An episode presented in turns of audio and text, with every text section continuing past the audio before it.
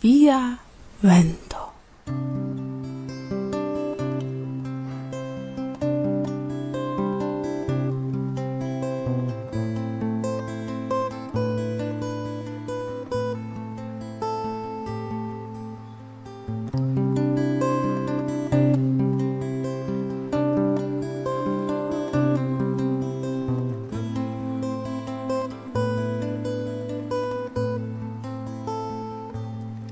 Mogę być z tobą tylko we śnie. Tak jest po prostu najbezpieczniej. Czekasz co noc na samym środku drogi mlecznej. I zakrzywiając czasoprzestrzeń, wtuleni w siebie, brodząc w mleku, chcemy trwać wiecznie, choć losowi to na przekór we mnie lęk podszyty dreszczem, co czasem miesza się z zachwytem, że na planecie Twej gdzieś jeszcze może być życie. To nie nasz czas i przeznaczenie, więc ciężkim sercem muszę wrócić znów na ziemię.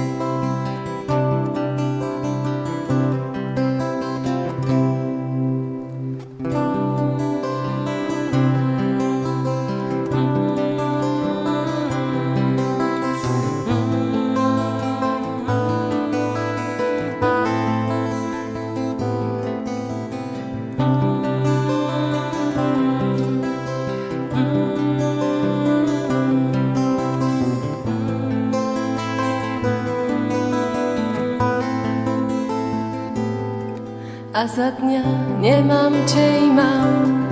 Jesteśmy obcy jak przechodnie, niespontaniczni i bez praw, żeby zachować się swobodnie.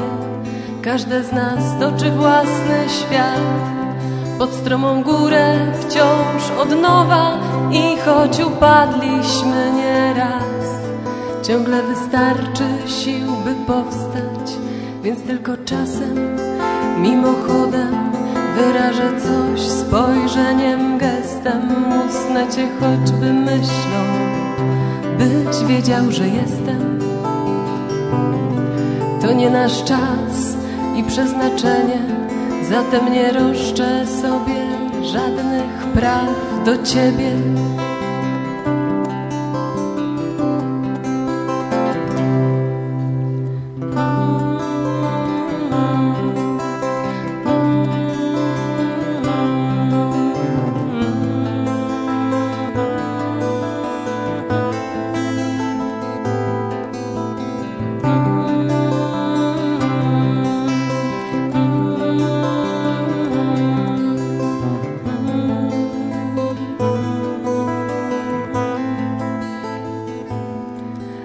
zobaczę jasną gwiazdę, co nagle przemknie gdzieś po niebie, wtedy i tak.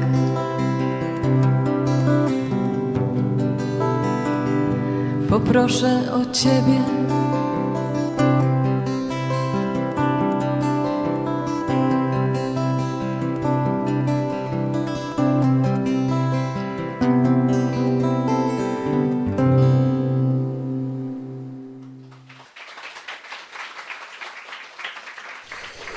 Jes, eh, sendube vi rimarkis, ke iom alie ni comencis la elsendon ol kutime. Lauteme mi pensas. Ja ankaŭ en la Zamenhofa lingvo, ĉu? Mm, kompreneble, en la pola. Ankaŭ bela, kvankam ne ciui eksterlandanoj same opinias kiel ni fakte. Kion diri? Bonan vinon oni pritaksas nur dum gustumado, do kiu ne gustumis, tiu ne parolu pri la gusto. Yes, yes mi consentas, cer ciu lingvoi facte estes belei. La dolcia vocio de Mesha, kiu cantis pole pri amo en sonjo, eble venuntiare presentigios ankaŭ en Esperanto. Ĉu? Mm, mi pensas. Dum nia lasta somera rencontigio en montaro tutte ne ŝerce ni babilis pri tio. No, mi estus sub impreso, ĉar tiu canto estes vere bella. Ni vidos, sed ĉar en niaj elsendoj Myŝa aperas la unuan fojon, iam mi prezentos ŝin kaj ŝian amon. Ili komencis en bando, kiu formis grupon Nabani, sed nun post eta persona transformigio, i nomis sin myszy i ludzie musoj kaj homoj. Mm, sed la antaŭa nomo Nabani lingve estis pli interesa, ĉu? quasi ili estus ciam ebriei. Tio estas unu el la signifoi de la nomo, char la dua, fakte la unua, signifas esti sur la monto Bania en la pola montaro Beskid Żywiecki. Ah, en la montaro ki oni produktas la faman polan bieron Żywiec. Pli mal pli. mal malkaŝu ni do pri kio temas la kanto? kiel ci amo cantoi, mm, compreneble pri amo. No, amoi estas diversai, frenezai, flamai, cascitai, bla bla bla bla bla. To pri tiu ne plenumita cae nereala. Existas tiu? Existas, sed mi mal recomendas, sed se ec existos, tiam, kiel si cantas, mi povas esti kun vi nur en sonjo, char tiel estas plei secure, kaj attendi vin ĉiunokte centre de la lacta vojo. Joj, bele. Ankaŭ alian canton de ili post momento vi audus. Ankaŭ en la pola? Yes, eh, tamen eh, ne si cantos, sed li, Czarek, prinigra la oca coloro de ĉielarko. Bone. Do anto ol vi giuos la sekvan exemplon de la pola kulturo, eble ni prezentu kion al niei karaj auscultantoi preparis ni. Agnieszka Rudzia rakontos al vi pri la Europa Festivalo de Canto Esperantista, kio okazos maje venontjare en Wroclavo. Pri novaj eldonaĵoj de la eldonejo sezonoj vi babilos kun Halina Górecka kaj Aleksander Korzenkow. Yes. Kasia prezentos al vi eldonitan laste de Vinil Cosmo novan kodon de Guillaume Menifar. Vi auscultos ancau pri majstroverkoj de pentro arto, kiujn prezentos Ulrich Matias. Silvia racontos pri la psica traumo. Kai fine, cadre de la tuta quara parto, ni presentos al vi registritan dum arcones amplexan fragmenton, de vi do vo kroniko aŭdek ok monatoj de Istvan Erst. Temas pri preskaŭ duonhora kortuŝo monologo, kiun entute Istvan prezentis en la lasta beletra almanako. Klaku la ligilon en la priskribo por eksii pli multe. Ne forgesis ni kompreneble pri niaj karaj poetoj do aŭdos vi poemojn de Miguel Fernandez, Livendek kaj Jorge Camacho. Ancau kiel ciam bonan muzikon, kiel nun. Yes, myszy i ludzie, to musoj kai homoj, fakte, kai czarek en la canto lau texto de Jaromir Nohavica. La oca coloro de ciel arco. Do, ek. Ec.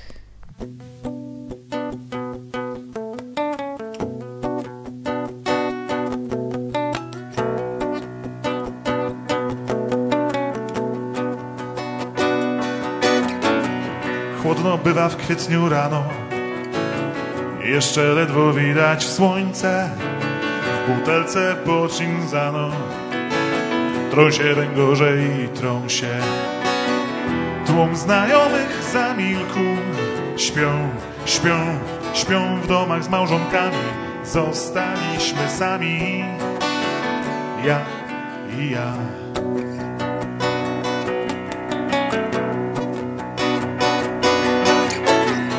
Miasta zlewają się w pamięci.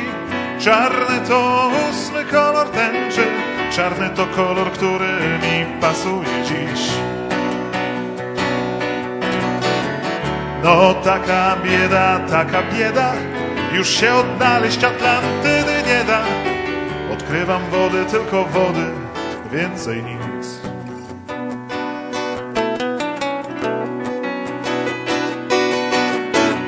Jeśli ktoś z was ciekaw jeszcze Biba już ogromna się szykuje.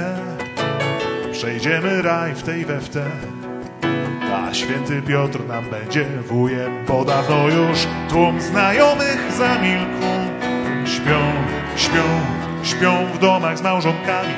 Zostaliśmy sami. Ja i ja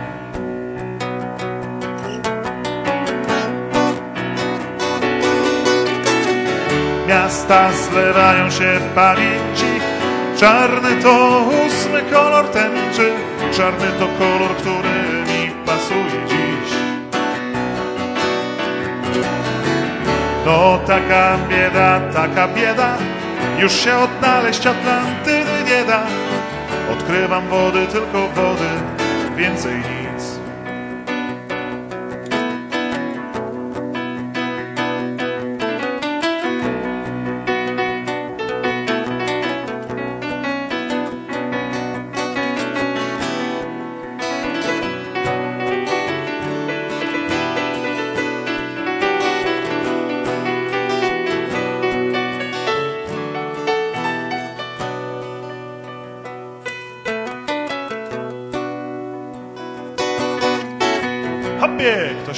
z dołu.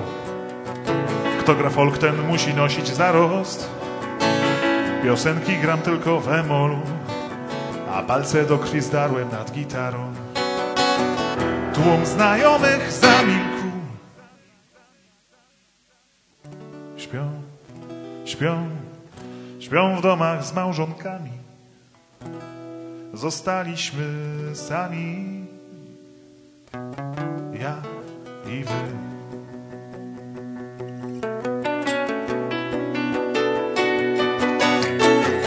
Miasta zlewają się w pamięci. Czarny to ósmy kolor tęczy Czarny to kolor, który mi pasuje dziś? No taka bieda, taka bieda Już się odnaleźć Atlantydy nie da. Odkrywam wody, tylko wody, więcej nic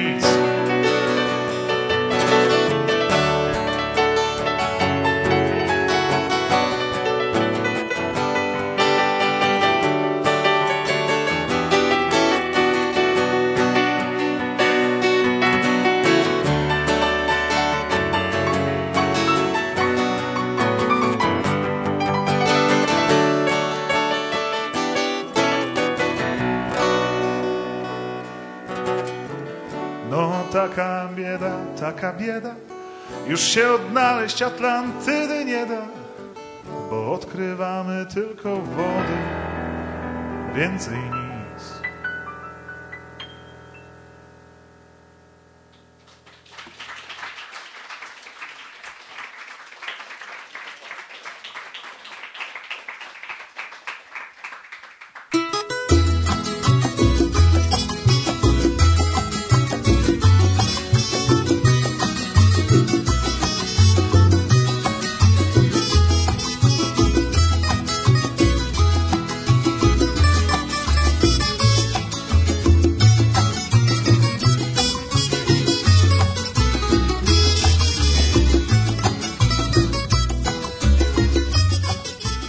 Saluton.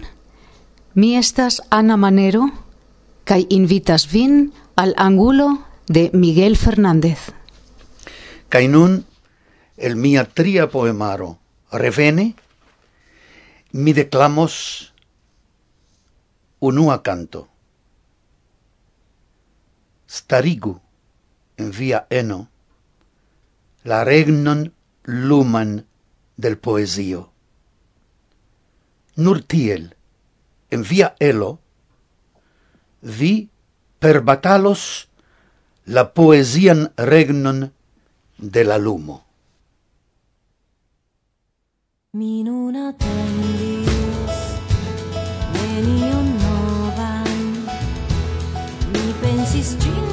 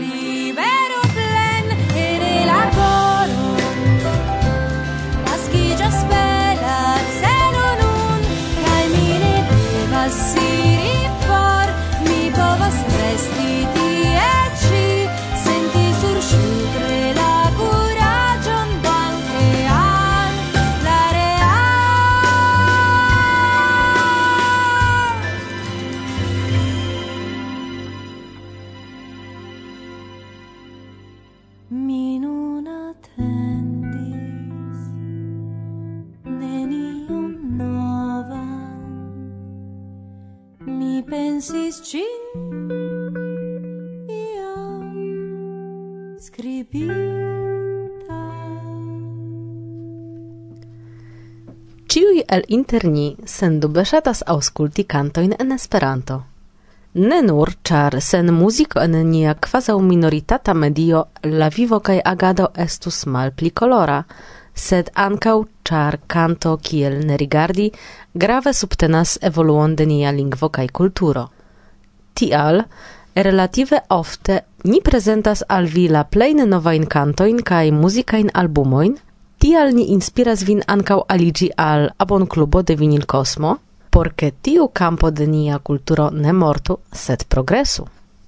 Evoluo de Esperanto ja dependas de nia kuna interesiĝo ankaŭ pri nia muziko, ĉu? Sed ne pri la agado de Flo, kreinto de Vinil Cosmo, mi deziras nun paroli, kvankam plu ni restos ĉe temo de la esperantista muziko. Dum diversaj eventoj kaj aranĝoj esperantistaj ofte eblas partopreni diversajn muzikajn prezentadojn kaj koncertojn. Tio klaras. Tamen, ĉu vi scias, ke en Pollando, en Wroclavo, ĉiam en majo brava monato plen plena de floroj kaj vekiĝanta naturo post vintro organizata estas Europa Festivalo de Canto Esperantista? Probable Multaj el vi aŭdas pri tio la unuan fojon kaj jes, la organizantoj mem malkaŝas, ke unu el la plej grandaj problemoj, kiun ankoraŭ bone ĝis nun ili ne kapablis solvi, estas reklamo. Tamen, malgraŭ tio, ekde 2013 la festivalo ekzistas, kaj spite al ĉiuj organizaj malfaciligoj, paŝo post paŝo evoluas varbante pli kaj pli da interesiĝo. La komenca koncepto concernis nur infanoi, sed tui evidentigis che canti sur sceneje desiras ne nur la plei junai el interni. Tial do, de quelcae jaroi jam, ciu, sendepende de agio, raitas presentigi antau publico cae jurio, ec en du categorioi, sole cae grupe au coruse. La unuan tagon de la festivalo, kiu okazas en bela loco de la Wroclava Filharmonio, sekvas la concursai presentadoj – La duan, concertoi de gainintoi el kelkaj kategorioj. Premias jurio konsistanta el conatai muzikistoj de Esperantujo kaj kompreneble ankaŭ la publiko. La Europa Festivalo de Canto Esperantista gajnis interesigion de la lokaj autoritatoi, de UEA kaj menciita jam Vinil cosmo, krome interesigas prigi la la lokaj amaskomunikiloj. Nun venas tempo do ke gainu gi pli abundan ol gis nun akcepton de la esperantista romem, eble ancau de vi. Nenion pli nun mi povas rakonti, char nek kiel partoprenantino, nek kiel kantistino mi ĉeestis la festivalon. Ankoraŭ ne, sed Yes, kiel ne? Eble mi sukcesos konvinki Irek, ke li kunportu gitaron kaj ekkantu en la konkurso tie sole kaj grupe kun mi kaj aliai redakcianinoj tiam certe ni gainus ciuin unuain premioin en cies categorioi. Conante nian cunan talenton, tute mine dubas pritio. Kion ne diri? Lau informoin kiuin mi ricevis, la oka jam Europa Festivalo de Canto Esperantista okazos en la venonta jaro, ankaŭ en majo, en la kvara semajnfino, sed se vi interesidas pri muziko aŭ eble eĉ pri kantado, sekvu niajn estontajn elsendoin por ekscii pri la novaĵoj. La organizantoj pretigas jam retejon de la festivalo, baldaŭ do eblos al vi ekscii la detalojn kaj eventuale aliĝi. Europa Festivalo de Canto Esperantista eble ankaŭ vi prezentiĝu sursceneje, kial ne? Ja Esperanto estas nia, do uzu ni ĝin ne nur por diskuti pri la lingvaj problemoj. Dankon! Parolis Agnieszka.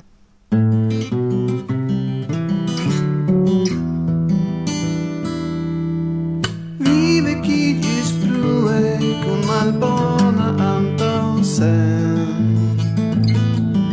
Ĝi restas en la haŭto kiel malakte pika den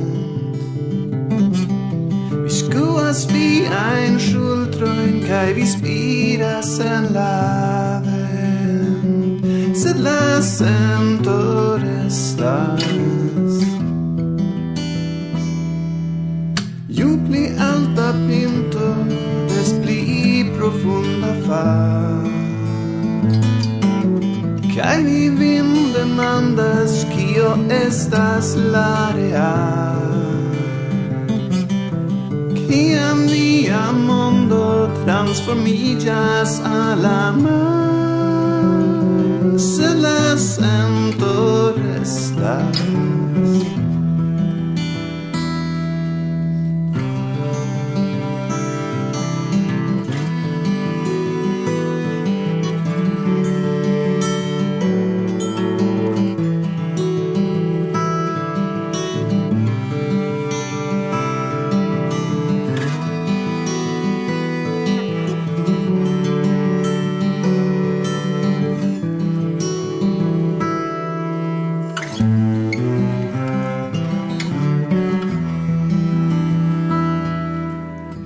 kan vi jam longe passis trans la lin.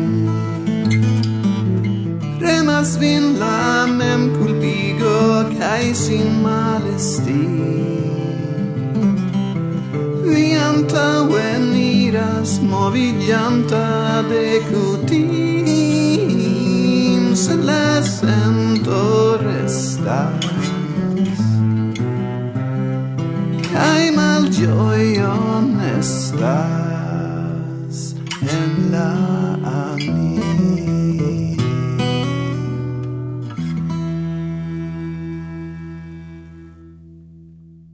Varsovia? Vento. Bla bla bla. Tandararam tam dam Antau mi libro, kiu nomiĝas Baza literatura Crestomatio, eldonita de eldonejo sezonoj kies ĉefaj eldonistoj sidas antaŭ mi. Saluton. Saluton. Mi estas Halina Gorecka. Aleksandr Korzenkov Baza literatura krestomatio. Kiu bezonas tiun libron? Unuavice eh, bazan literaturan krestomation bezonas eh, ĉiu esperantisto kiu deziras havi imagon pri la esperanta literaturo kaj esti ni diru no, kulturano de Esperanto. La esprimo krestomatio signifas instruan fakte imagon pri literaturo interalie. Ĉu vi eldonis tion kiel lerno libron?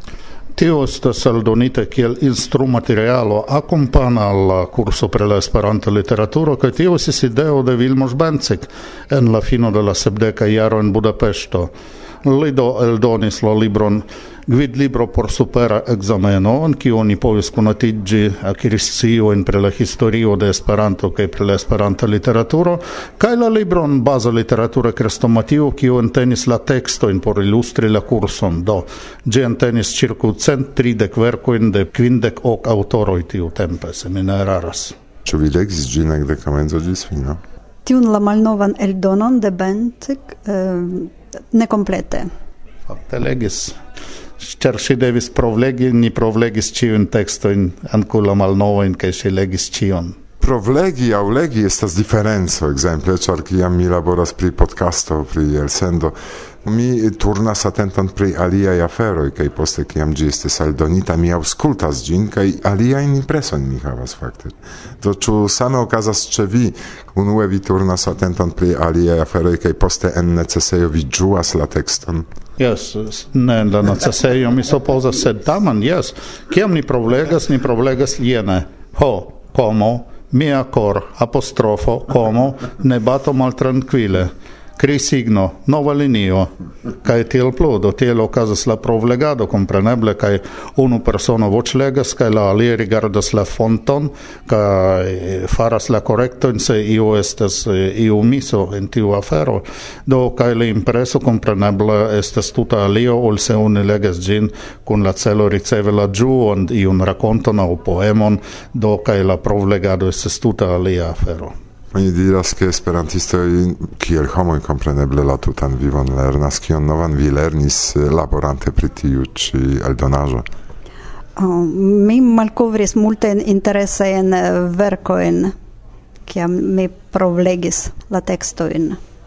Kaj pri iuj eh, mi ne estis tute kontenta, sed tio povas ekzisti certe. Iu verko poemaĵo kiu impresis vin plej multe? Do fakte el tio kion eble mi neniam legis, nu estas malfacile diri. Eble vi Do, ĉar mi kiel kun redaktoro, unu al la tri kun redaktoro de ĉi tiu libro devis elekti la prozajn verkojn, mi kompreneble legis tre multajn por poste decidi kiu en iru. Kaj denove min impresis almenaŭ la du tekstoj de longe de mi legitaj. La unua estas la rakonto Groto de Andre Todt, pri signoro Don kaj la alia estas hetairo dancas de Eli Urbanova kiun oni eh, unua kredas eh, verko bagatela pri seksaj aventuroj de juna kaj poste ne juna virino sed kiu entenas ankaŭ multon pli instruan pri la vivo ĝenerale kaj tiel plu do mm, Kelkaj do teksto estis por mi eh, kvazaŭ denove malkovritaj en alia senco mi legis ilin antaŭe reclamo. Mi